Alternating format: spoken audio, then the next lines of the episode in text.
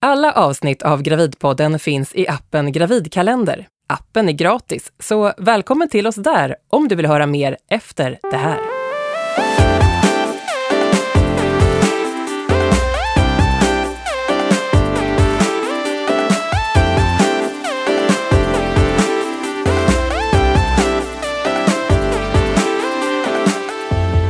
Gravid och kåt, eller kanske mer avhållsam och lite rädd. I det här avsnittet av Gravidpodden från Babygruppen ska vi prata sex och samliv. Vi ska bland annat få svar på om en orgasm kan sätta fart på förlossningen, hur barnet i magen kan påverka parrelationen och så ska vi få tips på sexställningar som passar bra för stora gravidmagar och mycket annat om slemhinnor, hormoner och dildos och jag vad vet allt som kan rymmas i detta program. Och så det börjar fnissa redan nu. Ja, oh, gud. Mm, Vilket härligt program. Jag ser fram emot det här. Oh. Ja. Åsa Holstein är det eh, som är vid min sida, eh, sidekick och legitimerad barnmorska. Och jag som leder Gravidpodden heter Anna-Karin Andersson. Eh, när vi träffades tidigare, Åsa, så sa du spontant att du hade en massa historier eh, om sex från ditt jobb som förlossningsbarnmorska. Eh, kan du inte dela med dig? Vad är det för stories? En massa, jag har några. Ja, men berätta. jag har en som är väldigt söt. Jag fick in ett par, hon var gravid i vecka 32. Sökte för en blödning, det var första barnet, en väldigt sparsam blödning. Här kommer lite blod på pappret, någon torkar sig. Eh, och då ska man ju såklart åka in till förlossningen och kolla upp så att allting är som det ska. Eh, allting var helt normalt, så det man vanligtvis frågar är ju om de har haft samlag eftersom livmodertappen under graviditeten kan bli lite mer lättblödande. Så det är inte ovanligt att man får en liten, liten blödning faktiskt efter samlag. Så vi pratar och jag frågar där om det är så att de har haft samlag och hon tittar på mig med stora ögon och bara Nej, vi har inte legat sedan jag blev med barn. Och så suckar han i stolen bredvid och du vet, ibland är det så korta synapser mellan hjärnan och munnen. Det finns liksom inget filter. Så jag får ur mig men åh, vad jobbigt. och inne känner bara så här, shit, så får man inte säga som barnmorska. Så blir det tyst några sekunder och så börjar alla skratta. och så säger hon helt förlösande att, ja men gud, precis så där säger vår barnmorska på mödravården också. men jag har liksom inte lust. Sen jag blev med barn, jag vill liksom inte, jag vill inte. Nej. Jag vill bara vara med barn. Men det, och det var, det var det som var förklaringen till att de inte hade... Ja, det var förklaringen till varför de inte hade haft sex ja. sen uh, hon blev med barn. Och, och, min bild är att, att vissa är, är rädda för att ha sex, att det också ligger i eh, rädslan att, att det ska hända någonting med barnet i magen om man eh, har, har sex. Eh, men dels trycket på magen, men rent allmänt att det Ja, men det, det tror jag är, ja, det är en rädsla som både män och kvinnor delar, eh, att man ska skada barnet på något sätt. Det gör man inte. Nej, det kan jag inte tror, vara farligt. Nej, det kan inte vara farligt alls. Jag tror snarare att barnen tycker att det är mysigt. Det frisätts så mycket oxytocin när vi har sex, ju det här kärlekshormonet som även bebisen i magen mår bra av. Mamman blir lugn. Och kanske utav det där penetrerandet, att det blir lite mysigt och stötigt där inne, kanske somna lite. Mm, till och med det. Vi ska prata mer ingående om sexlivet under graviditeten eh, snart. Vi har bjudit in en eh, sexolog, en sex och parterapeut hit till Gravidpodden. Eh, men jag vill höra mer om de här eh, berättelserna som du har eh, från, från Mina skrön, mina ja, förlossningsskrönor. Nu ska du få roligt. en riktig skröna här. Ja. Och det, har, det är inte jag som upplevt det här, utan jag har hört det här av en äldre kollega. Det var tidig morgon, kanske mm. runt fem. Man är som barnmorska kanske ganska trött om man har jobbat hela natten. Hon kommer in på det här nersläckta förlossningsrummet. Eh, kvinnan som är i förlossningsarbete halv ligger i sängen och mellan hennes ben så ligger mannen, den blivande pappan, och ger henne oralsex. och barnmorskan säger ups, stänger dörren och går ut igen. ja, för det är inte som på hotellrum där man kan hänga en skylt. Nej, det är Don't inte det. Men ja, och efteråt så, så när hon gick in nästa gång så var, var de liksom färdiga. Eh, och då så skrattade de lite åt det där och så hade de läst att eh, just orgasm under en förlossning kan fungera smärtlindrande för kvinnan. Men, men, funkar det då? Stämmer det? Ligger någonting i det? Ja, men orgasmer är ju smärtlindrande i sig. Det frisätts ju både väldigt mycket av det här hormonet oxytocin, men också det här kroppsegna morfinliknande ämnet som heter endorfiner, när kvinnan får en orgasm. Så visst kan mm. det finnas en smärtlindrande effekt i det, även under förlossningen. Mm. Uh, Ja. Men det är inte råd som ni annars brukar... det ingår inte i råden? Nej, det ingår inte i råden. Det ingår inte i praxis, om man säger så. Eh, men, men, mer... Eh, nu låter det ju... Alltså, att, att oralt stimulera någon under en förlossning, när man ligger där med, med, med benen i, i luften och, och verkar. Det, det, det, alltså jag skulle också som barnmorska kanske höja på ögonbrynen. Men, men alltså, man jag stimulerar... kan tycka att det är något härligt i det också, liksom, att det är så här, ja men att man tar liksom makten över sitt födande, om det är det här som jag tror kan hjälpa mig, så vad fan gör det då?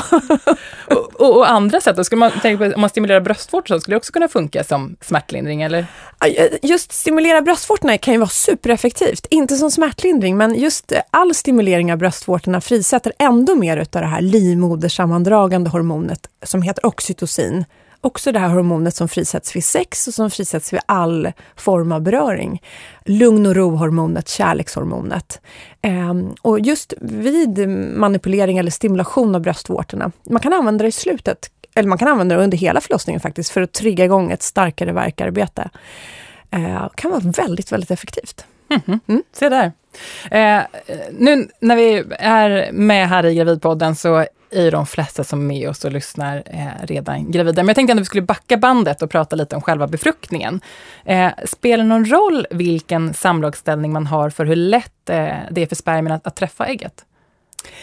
Eh, nej, det ska inte spela någon roll. Nej? Nej. Ligg på bara. Ja, ligg på. Bara ligg, ligg mycket. Ja. ligg ofta. Ja. Eh, ökar man chansen att bli gravid om båda får orgasm då under det finns en teori faktiskt att, att det blir, kan vara lite enklare för kvinnan att bli gravid om hon får en orgasm. För att det som händer vid orgasmen är att alla musklerna i bäckenbotten och livmodern drar ihop sig. Och på så sätt eh, tänker man att det ska hjälpa liksom, spermierna in i, i eh, livmodern. De ska in i livmodern och upp i äggledan där mm. de möter ägget och befruktar det. Jag, jag, skulle gärna vilja i alla fall att det verkligen stämmer det du säger nu, för jag har alltid tyckt att det är lite orättvist att det är liksom hela befruktningen går ut på att det går för mannen, men att det skulle funka med en helt passiv kvinna som inte njuter. Ja, men, så vi håller tummarna för att de där... Vi tänker att det är så, att ja, det är lättare det, att bli med barn om man kommer som tjej också. Mm. eh, det här med könet då, kan man på något sätt påverka vid samlaget eller när under ägglossningsperioden man, man ligger med varandra för, för att påverka om det blir en flicka eller pojke? Jag kan faktiskt inte säga att jag tror att det finns några vetenskapliga belägg för det, men man säger ju att tjejspermierna är mer eh, de överlever längre i slidan än killspermierna. Så enligt den teorin så det, skulle det vara större sannolikhet att få en pojke om man har sex väldigt nära ägglossningen. Men det finns ju massa teorier om det där, att man, killen ska runka innan sexet och då är det större chans att få en pojke och gör man bakifrån så är det större chans att få en pojke. Och, ja, alltså, det där, jag tror inte att det finns något vetenskapligt belägg för det där som sagt. Men du påverkade ditt sexliv då någonting när du var gravid? Ja, eh, det gjorde det faktiskt. Jag fick mera lust. Fick jag, lust? Ja, mm. jag tyckte att det var härligt att bli så här frodig. Eh, och så händer det ju någonting både med slemhinnorna och den ökade genomblödningen i slidan. Så det är lite, ja. Så det finns en förklaring lust. också till att man ja, kan få mer lust? det finns en förklaring. Mm. Eh, jag kände det var väldigt skönt att släppa släppa själva eh, befruktningsbiten. Alltså vi, när, när, vi blev gravida med första barnet så hade vi försökt väldigt länge. Och det blir lite grann det där, du vet, man tittar nästan på klockan. Nu är det dags. Nu är det time. Just det, det är så barn, och det var ju det barnavlande sex. Ja, precis. Ah. Det var ju fnissigt mm. roligt kring det. Men, men när det väl var klart, oj vad roligt och kul det blev i sängkammaren igen. Vi har kommit fram till programpunkten sant eller falskt. Ehm, jag kastar ut lite påståenden och du Åsa, du berättar om jag är helt fel ute eller om det kanske stämmer. Ehm, ja, du är beredd? Yes. En kraftfull orgasm kan sätta igång förlossningen, sant eller falskt? Eh, nu vart jag så tveksam igen. Eh, falskt skulle jag säga som första svaret. Eh, lite sant. Är kroppen redo att föda barn? Vill den komma igång i förlossning, då kan faktiskt ett samlag, eller det här som kallas för färdknappen, sätta igång förlossningen. Men generellt så sätter inte en orgasm igång någon förlossning, så det behöver man absolut inte vara rädd för. Jag känner mig mer kåt sen jag blev gravid. Eh, det är helt normalt. Helt normalt, sant. Eh, jag känner mindre sexlust sen jag blev eh, gravid. Det är helt normalt. Helt normalt, sant. Typiskt barnmorskesvar. Allt är möjligt. Eh, efter förlossningen kommer sexlivet försämras eftersom jag då är för förslappad i underlivet. Eh, ofta tycker jag faktiskt att sexlivet blir bättre efter förlossningen. Det är som att det blir känsligare i slidan efter en vaginal förlossning. Men det är klart, du behöver ha starka bäckenbottenmuskler. De är med i liksom det sexuella livet. Så om du har väldigt, väldigt förslappade bäckenbottenmuskler kanske du får en mindre eh, positiv upplevelse av sexet. Så börja knip. Vid ett penetrerande samlag kan penisen snudda vid bebisens huvud. Sant eller falskt? Eh, Ja, alltså huvudet är ju... Nej, nej det är falskt. Eh, och, och, man ska inte ha så stor tilltro till sin penis, att man tror att den ska kunna stöta bebisen i huvudet. Jag bör undvika att svälja sperma, det får ju i så fall barnet i sig. Det är falskt. Svälj på du!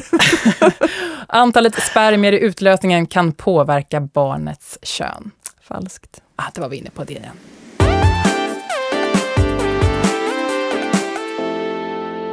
Det här är Gravidpodden från Babygruppen och vi pratar sex och samliv i det här avsnittet. Och nu välkomnar jag Malin Drevstam hit till podden. Välkommen! Tackar, tackar. Du är sex och samlevnadsterapeut och du träffar både individer och eh, par som Stämmer. kommer till dig. Mm. Eh, och jag tänkte vi skulle börja prata om, om själva relationen.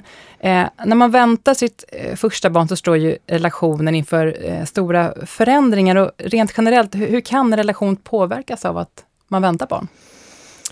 Väldigt, väldigt mycket skulle jag säga. Det är ju otroliga förändringar som paret står inför och eh, det beror ju såklart på vad som, om det var planerat och efterlängtat eller om det kom till av en slump, om man säger så. Och hur förberedd man är för att, eh, för att den här nya förändringen i livet ska kunna ta plats. Ehm, jag tänker att det är eh, för parrelationen så börjar en ny formulering av roller. Och den formuleringen behöver också samsas med de roller man har haft. Man har ju varit två partners i en parrelation. Och de rollerna får inte glömmas bort. Det är jätte, jätteviktigt med tanke på det vi snart ska prata om, hur sexet ska fungera framöver i parrelationen. Så att rollbyten är en väldigt stor förändring i samband med. Och redan under graviditeten ska man börja prata om de här Ja, rollerna. absolut. Mm. Eh, för den gravida kvinnan så är det ju mycket som händer i den egna kroppen och en massa MVC-kontroller och annat. Ehm, eh, hur tror ni, Åsa och Malin, man ska göra för att känna sig känna att parten ska känna sig delaktig. Vad tänker du i MVC-besöken? Ja, men generellt i, i, under graviditeten. Jag tänker att för kvinnan är det så naturligt, det är någonting som växer i magen. Hur, mm. Du var inne på de här med rollerna, hur, hur kan man mm. få med Prata. båda? Mm. Kommunice ja, kommunikation kommunicera. är jättevärdigt. Också att, eh, jag tror det är jätteviktigt att partnern kanske läser lite eh, vad som händer i kroppen på kvinnan Um, men framförallt prata, prata med varandra. Mm. Och, och dessutom frågar kvinnan mycket. Jag tror att det gör att kvinnan känner att partnern bryr sig och det blir också ett sätt för partnern att få information om hur, hur, hur det är för kvinnan att vara gravid helt mm. enkelt. Men, men är det viktigt då att partnern är delaktig? Jag tycker att det är det, för att eh, ju mer delaktig partnern är i graviditeten, desto lättare kommer den kunna ta till sig eh, barnet när det kommer. Och jag tänker att man får inte glömma bort en sån liten, eh, liten eller en stor sak som att det finns, det finns förlossningsdepressioner och det drabbar även män har man konstaterat i studier.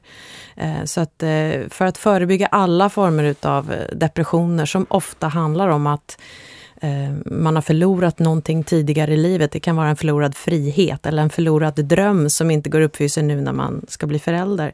Men det kan också vara en förlorad närhet till sin partner för att den går upp i någonting som man själv känner sig exkluderad ifrån. Så det är, det är viktigt att redan från början ha en kommunikation kring det som pågår, det vill säga graviditeten och barnets mm. växande mm. i magen.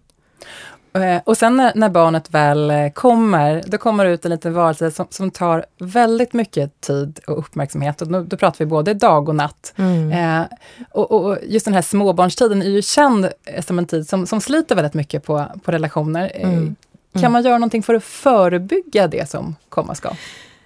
Ja, dels handlar det väl om att prata om vilka förväntningar man har på den här tiden när barnet väl har kommit. Var ska vi lägga ribban? Var ska vi lägga ribban när det gäller omsorg kring barnet? Hur ska vi förhålla oss till barnet? Ska det sova i vår, vår säng eller ska det sova någon annanstans? Eh, hur ska vi förhålla oss till eh, nivån av städning hemma, nivån av pyntning, nivån av bjuda hem vänner och grannar och, och alla andra sådana saker. Men, det tänker jag så här, det, det som du säger, ja. för att koppla, liksom koppla på det så här, att ju mer jämställd man är i sin relation, ju mer man delar både på på, på det här graviditeten och alla förväntningar kring det. Ju mer man delar på hemarbetet, ju mer man delar på det gemensamma livet, desto mer får man ligga. Mm.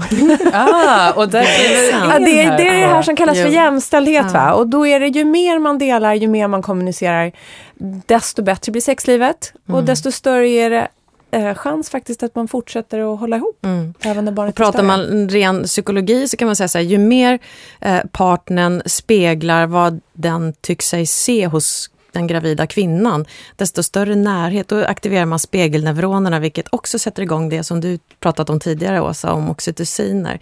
Ju mer vi känner oss speglade varandra, desto mer sätter det igång hormonet oxytocin som får oss att knyta an starka till varandra som par. Men om man ska bara gå till ett praktiskt råd så tänker jag att om man redan under graviditeten kan vänja sig vid att ha sex på udda tider vid konstiga platser, så har man mycket igen när man väl behöver ha sex på andra ställen än där barnet sover och när barnet sover. Mm, nu vill in i sängkammaren, jag hör det. Vi går in på direkt, direkt. Inget struntprat här om relationer och annat. Du, Åsa, du var inne eh, också på det här med, med, med slemhinnor och, och sådär. Rent medicinskt, vad händer i kvinnans kropp under en graviditet som, som kan påverka sex och samliv? Du, du sa att man kunde få de positiva aspekterna för mm. sexlivet det är ju att slidan blir eh, mer genomblödd eh, och slemhinnorna blir fuktigare. Så det blir liksom en, en varmare, tyngre, fuktigare känsla för många kvinnor, vilket kan öka på sexlusten. Sen går ju många kvinnor igång på att de är, får de här runda formerna, större bröst och större rumpa och större lår och blankt hår och mm. slätare hy och känner sig superkvinnliga och liksom konstant lite purriga. Mm. Det är det positiva. Mm. Sen är det ju lika många kvinnor som bara känner sig tunga, får hemorrojder, får kramp i vaden, får sura uppstötningar, eh, som inte liksom ens når och kan raka sina ben själva eller fila fötterna eller vad det nu Lite är. Lite flodhästkänsla. Precis, tycker det är viktigt liksom för att få igång sin sexlust. Eh, och då, det är liksom de två sidorna av graviditeten eh, mm. för sexlusten. Mm. Om man eh, försökt bli med barn eh, ett tag, eh, så kan ju sexet förknippas med, med själva befruktningen. Eh, och när man väl är gravid så är ju den biten fixad. Mm. Malin, vad har du för mm. tankar? Hur kan det påverka tror jag, sexlivet? Absolut påverka. Jag träffar ganska många par som kommer till mig för att de har genomgått IVF-behandlingar och haft otroligt uppstyrda sexliv under långa perioder. Det är absolut inte kört, men man måste prata med varandra under hela tiden eh, som det här pågår. Jag tänker också att det kan vara värdefullt nu är kanske många av ni som lyssnar redan gravida, men att ha sex vid tillfällen när man inte kan bli gravid är ju också ett sätt att värna de sexuella mötena utan ett syfte mer än att det ska utforskas och njutas. Um, så det är väl ja, en, en del i det hela. Mm. Eh, det faktum att man är eh, gravid och har den här växande magen som blir större och större. Du var inne på det också, att, att man kan känna sig kvinnlig, mer kvinnlig och, och, och faktiskt eh, gilla att få former. Eh, men, men kan det på något annat sätt också påverka känslan av att, att känna sig attraktiv när man ändrar sitt utseende och, och får den här stora gravidmagen? Mm. Jo, det är väl många som inte är särskilt nöjda med sig själva, men väldigt mycket tror jag ligger grundat i vad man tycker om sig själv innan graviditeten också. Tycker man att man har en hyfsad kropp och hyfsad fysik och tycker att man duger, så är sannolikheten att det glider över även i graviditeten. Men har man problem med sin kropp redan innan, så kan ju det förstärka. Mm. Så tänker jag på det här som du har pratat om förut, Malin.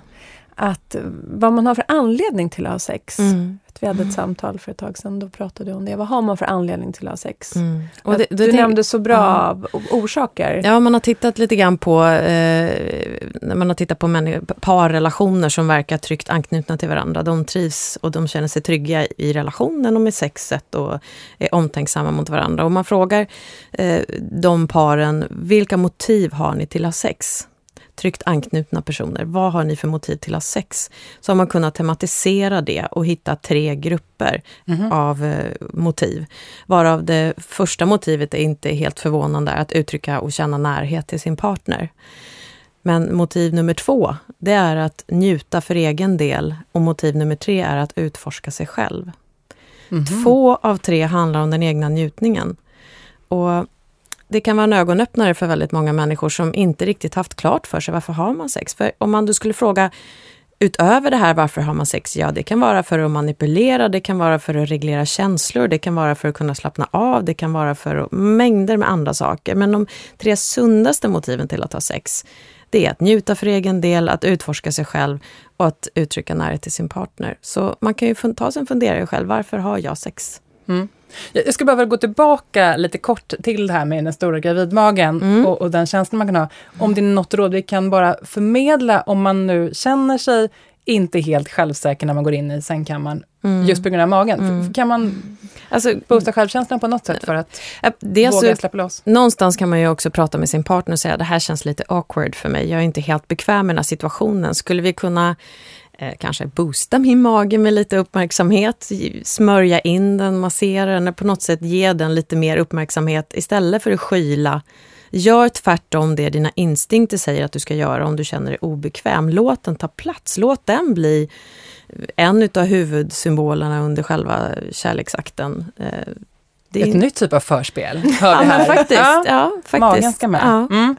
Eh, ett litet sidospår eh, som jag kom tänka på, det, det, är att inom porrindustrin mm. så har ju gravida utvikningsbrudar till och med blivit en egen genre. Mm. Vad, vad, tror ni det kan göra att vissa, eh, alltså vissa tänder speciellt på på kvinnor med bebismage? Jag har faktiskt kollat upp det där lite eh, extra. Eh, det finns flera ehm, förklaringar, bland annat att väldigt många personer, för att de som tänder på gravida kvinnor är lika mycket män som kvinnor. Det är inte bara män som tänder på gravida Aha. kvinnor, utan kvinnor Kvinnorna. kan gå igång mm. på antingen att vara gravida eller gå igång på hur deras kropp kommer kännas när den är gravid så småningom, eller att eh, se en gravid ah, ja. mm. kvinna. Och det, dels är det sak att man associerat med fruktbarhet, att det är verkligen en fertil person och det i sig är, är tändande helt enkelt. Och dels är det för att det är en del personer kan tycka att det är enklare att tända på någon som verkligen är omöjlig att få. För den är uppenbart redan ah, upptagen ah, i en annan människa. Alltså det är helt omöjligt att få den. Eh, en tredje variant är att det, det, är ju ex, det är ju verkligen en fertil kvinna som går här. Och det kan vara någonting som en person går igång på. En, att, att, att det verkligen är en befruktningsbar kvinna. Att hon är också chosen, taken eller vad man ska säga. Alltså man vet ju det med alfahannar, de är populära bara för att många vill ha dem. Och en gravid kvinna är åtminstone eh, åtrådd av en annan person, gissningsvis.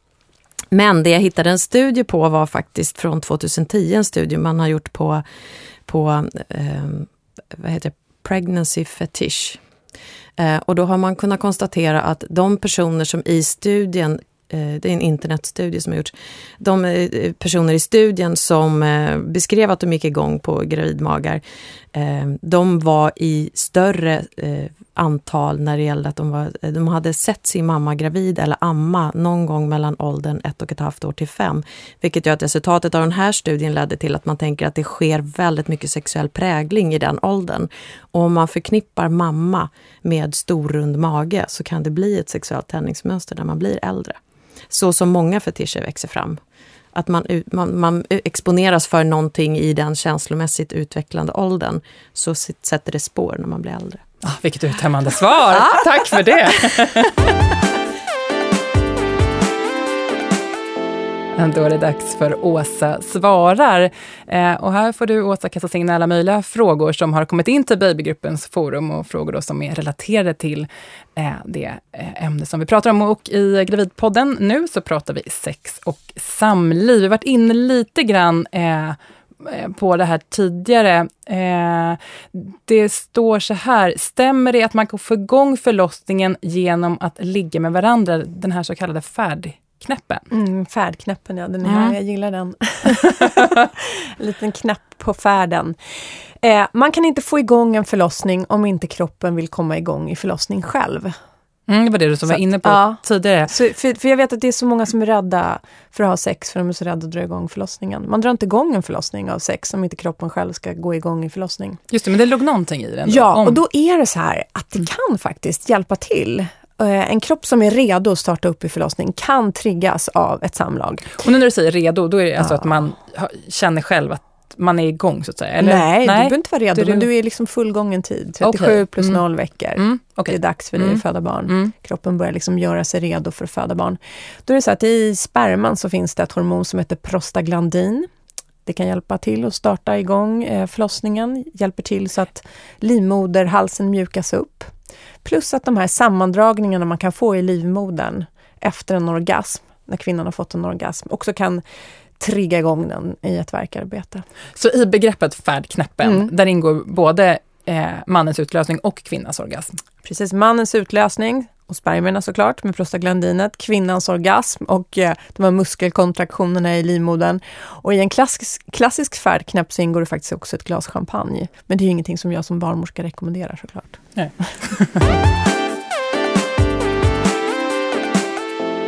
Vi pratar sex i Gravidpodden och vi ska eh, få konkreta tips på hur man ska ligga på ett bra sätt med stora gravidmagar.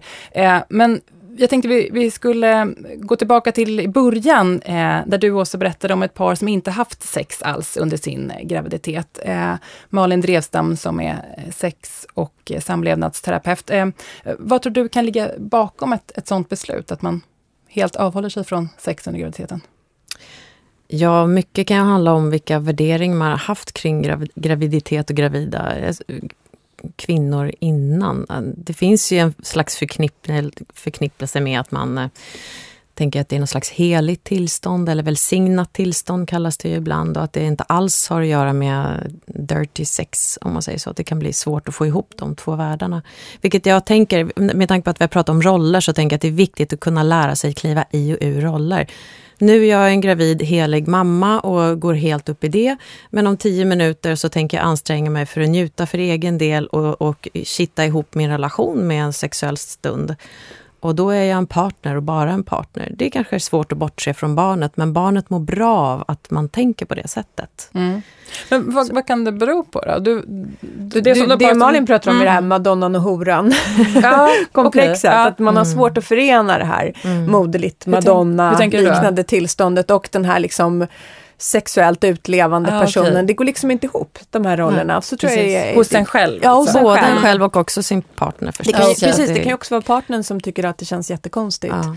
att ha sex med sin gravida Och, och kvinna. också partnern har ju någonstans, även om eh, den inte får samma gratis skjuts av jättehormonstormar, så sker ändå vissa hormonella förändringar i, i mannen. Mer och mer nu för tiden i och med att vi spegel, speglar varandra och mannen är mycket mer engagerad i graviditeten, vilket också beteenden sätter igång hormonförändringar.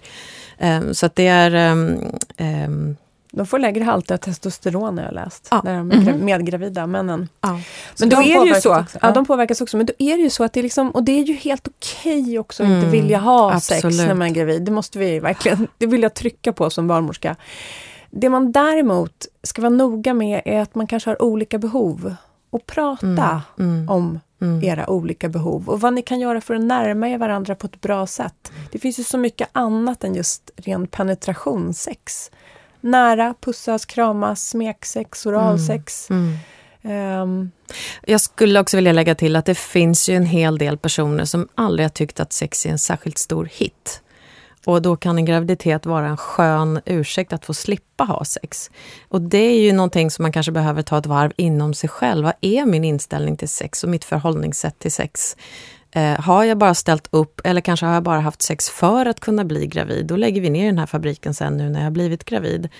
Eh, det är ju någonting som är viktigt att prata om i relationen, verkligen. För att det är sånt som sätter spår efter förlossningen om inte annat. Otroligt viktigt och så är det ofta också att de paren som inte kanske lyckas hålla ihop har inte heller kommit tillbaka till ett bra sexliv. Om de ens har haft något från början. Precis, så Mm. det är ju också en investering som man Mm. gör för sitt framtida föräldraskap. Mm. Eh, hitta ett sätt att förhålla er till ert sexliv Mm. tillsammans. Och ha respekt för varandras eh, olikheter. Om, om du under graviditeten känner att jag vill inte ha sex nu, säg att jag vill jättegärna kela och vara nära men jag är inte sugen på sex just nu. Så att man inte våg, eller så att man vågar åtminstone uttrycka närhet. Annars blir det så att man vågar inte ens kramas för man är rädd att det ska förväntas sex. Precis, man vågar inte krypa ner då, man, man vill inte vara nära för man tror att då förväntas att man ska ha sex. Exakt. Man vill ändå ha Man vågar kela. inte ens eh, liksom, kittlas i nacken eller pussas eller någonting för man vill inte väcka den björn som sover. Men det är viktigt att man gör närhet så långt man kan tänka sig. Och jag skulle också vilja säga en, en det, det är den gravida kvinnan som måste få bestämma hur mycket och när man har sex. Men hon har en vetorätt som hon också måste vara lite rädd om. För att eh, om sex för mannen står mycket för kärlek och närhet så blir han berövad någonting som har mycket större existentiell betydelse än vad ett skjut har. Om man nu ska, det är, handlar inte om små saker att, att säga nej till sex. Någon gång kanske, men man behöver motivera och förklara och vårda avvisandet lite mer än bara oh, du ska alltid om du förstår vad jag. Ja, men, men, kan man ge no några förslag? Om vi utgår från, det är ju inte säkert alls att det är kvinnan som inte vill ha sex, men om vi mm. säger att den ena parten inte mm. vill ha sex, hur, hur, kan man hjälpa till då så att den andra ändå kanske kan få mm. eh, sexuell stimulering? Mm. Och det beror ju lite på hur en sexliv har sett ut tidigare. Eh, har man båda två hög tolerans för respektives onani så är ju det såklart en väg. Kan den gravida kvinnan tänka sig att vara nära sin partner när partnern onanerar så är det en variant, eller till och med hjälpa till. Eh, det beror ju på varför man inte har lust. Om det är för att jag är rädd att någonting ska hända fysiskt med mig så kanske man ändå kan låna ut en hand eller mun eller någonting. Eh, Medan om man är har avsmak för sex överhuvudtaget, då är det kanske inte någon hit att vara delaktig. Men man måste ändå ha förståelse för att ens partner har eh, behov. Och jag tänker också framför mycket mer onani när du är gravid. Heja, heja. För alla. för alla. faktiskt. Och då skulle jag också säga att man brukar prata om eh, att sex för en kvinna förändras tre gånger under livet. Dels vid puberteten, då behöver du upptäcka dig själv. Efter barnafödande behöver du upptäcka dig själv som sexuell varelse på nytt och i samband med klimakteriet. Och nu står man ju inför en ny fas i sitt liv. Som du var inne på Åsa, så blir ju underlivet kan bli mycket känsligare efteråt. Man har blivit medveten om vilka gränser ens kropp klarar av och det kan göra att man kan känna sig mycket friare. Det finns massor med nytt att lära sig om sig själv, så sluta aldrig upptäcka eller utforska er själva. Mm. Vi ska alldeles strax gå in på lite konkreta råd för eh, bra sexställningar med stora magar när man kommer lite längre i graviditeten. Jag tänkte bara att vi skulle prata också om efter förlossningen. Eh, Åsa, vad, vad händer eh, efter förlossningen som, som kan påverka sexlivet? Ja, och då tänker jag mer medicinskt, vad som händer med, med kroppen och ja, men då är det så här, vi, det har ju inne i livmodern har det suttit en moderkaka som är ganska stor, väger ungefär ett kilo i slutet av graviditeten. Och hela den här ytan inne i livmodern eh, är en såryta. Det tar ungefär 6-8 veckor för såret i livmodern att läka. Först blöder man ju som en mensliknande blödning och sen blir det det här brunaktiga, ganska illaluktande avslaget tills det här såret i livmodern har läkt. Så länge man har avslaget så är det en ökad infektionsrisk. Så om man blir sugen på att ha sex inom de här 6-8 veckorna så ska man tänka på att använda kondom. Just det, och du pratar penetrerande sex. penetrerande mm. sex.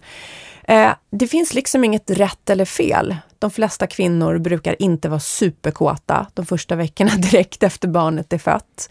För att det är en så stor omställning i kroppen från att gå från höggravid till ammande, nybliven mamma med sömnbrist och en lite Verkande slappare. bröst tänker jag som knappt går att röra. Verkande bröst och liksom det här avslaget och så de här hormonella svettningarna man får. Alltså man, man har ju känt sig sexigare, så är det. Mm. Men det gör inte ont eller det är inte farligt om man då inte skyddar sig från infektionsrisken? Det är inte farligt, men det är klart har du, en, har du spruckit, en bristning i underlivet så, så gör ju det såklart ont.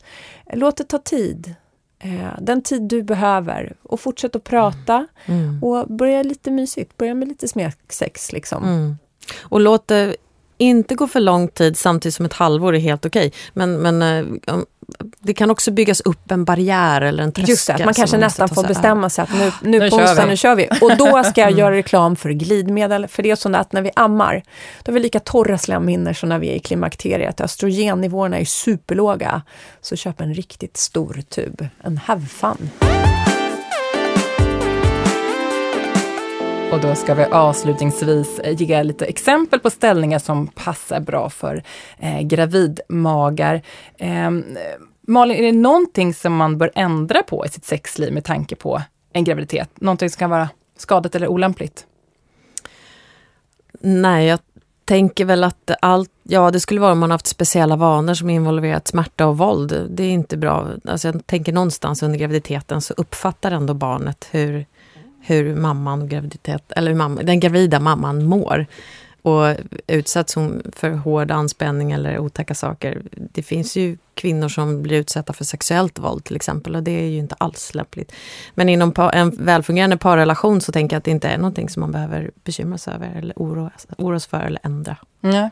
Eh, så här, sexleksaker, om man har riktigt eh, rejäla dildos, kan man föra upp hur stora föremål som helst om man är gravid? Vad säger du Åsa? Det där är ju en bra fråga. Jag tror man måste använda sitt sunda förnuft och så får man tänka att penetrerande sex med en penis är ju helt okej. Den är ju mjukare än en dildo. Mm. Så jag skulle säga att man ska vara lite försiktig ändå med, med hårdare föremål i slidan. Mm. Eh, bra ställningar? Alltså, jag tänker så här, klassisk missionär, det sätter ju sina, det tar ju stopp om man har en stor Mm. mage på slutet. Dels tar det stopp och sen är det också så att det är väldigt många kvinnor som inte trivs med att ligga på rygg och det beror på att barnet och livmodern trycker ner på en stor kroppspulsåder som heter ven, eh, vena cava. Och då kan det bli så att man blir illamående och lite yr. Ja, det också? Ja, det Okej. också. Mm. Så att eh, den ställningen är kanske inte att rekommendera. Men Men man kan ju allt som steg, känns bra är bra egentligen. Man kan ju också stegvis gå från missionären till att man, eh, om man nu har sex på sängen, att kvinnan ligger på rygg och hasar ner mot eh, fotänden eller sidan på sängen och mannen står. Så att säga. Så att kvinnan, alltså mannen ligger inte ovanför kvinnan och balanserar på magen utan mannen Mer står. står. Mm. Precis, står på knä eller står stående, det beror på hur hög säng man har eller om man är på ett köksbord eller någonting sånt kanske. Men som sagt, det måste ju kännas bekvämt med trycket från magen också. Mm. Bakifrån, är det bra idé? Bakifrån är väl Absolut. jättebra knästående. Mm. Det så kallad Mm. doggy style. Doggy style, är det inte så? Mm. Ja. Jo, men den är ju jättebra, verkligen.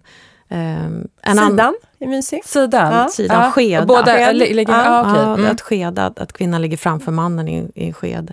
Eh, Kanske lite lugnare former av penetration som kan ske då. Det är också lättare för kvinnan att smeka sig själv.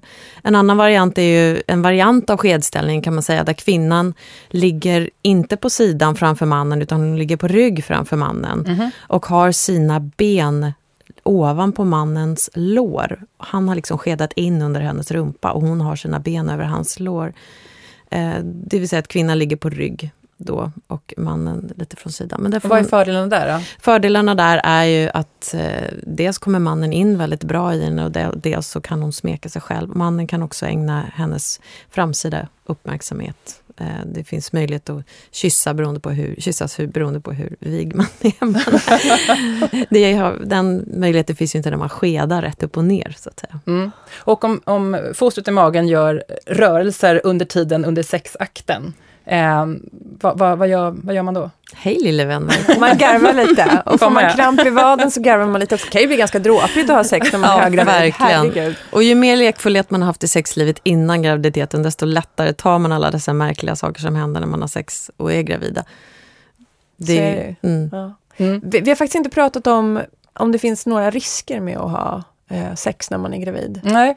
Och det finns ju faktiskt några få tillfällen där vi inte rekommenderar att man har sex. Och det är om man har en föreliggande moderkaka som ligger liksom för själva modermunnen, öppningen. Och hur vet Man, man, har det blött då? lite. Ja, det vet man för att det ser man på ultraljudet redan tidigt. Okej, då, det har upptäckts i så fall, Precis, så då får är man den upptäckt. varningen. Ja, man får den varningen. Om man har eh, risk för att föda barn för tidigt, man har haft prematura sammandragningar eller ett för tidigt verkarbete. Om man har en förkortad livmodertapp och tidigare har fött barn för tidigt, då rekommenderar man inte heller att ha eh, penetrerande sex. När då? Under hela... Ja, egentligen under hela. Mm. Mm. Men andra typer av sex är fortfarande okej? Ja, det finns ju så mycket annat sex, mm. men just det penetrerande sexet ska man vara lite då tycker jag vi upprepar då. rådet som ni gav förut, onanera mera. Mm. Så onanera mera. där, ja. så, vi så vi slutar med, med flaggan i topp. Mm. Eh, tack så jättemycket Malin Drevstam, Tackar. sex och parterapeut, för att du ville komma hit till mm. Gravidpodden. Eh, och eh, vi som gör eh, Gravidpodden från Babygruppen, det är... jag, Åsa Solstern, barnmorska. Mm, och jag som leder det hela heter Anna-Karin Andersson. Och eh, Gravidpodden från Babygruppen, det, den görs av produktionsbolaget Munk. Tack och hej! Hej! hej. Gravidpodden finns i sin helhet i Babygruppens app Gravidkalender. Appen är gratis och du hittar den genom att söka efter Babygruppen på App Store eller Google Play. Ladda gärna ner appen så kan du höra alla avsnitt av Gravidpodden.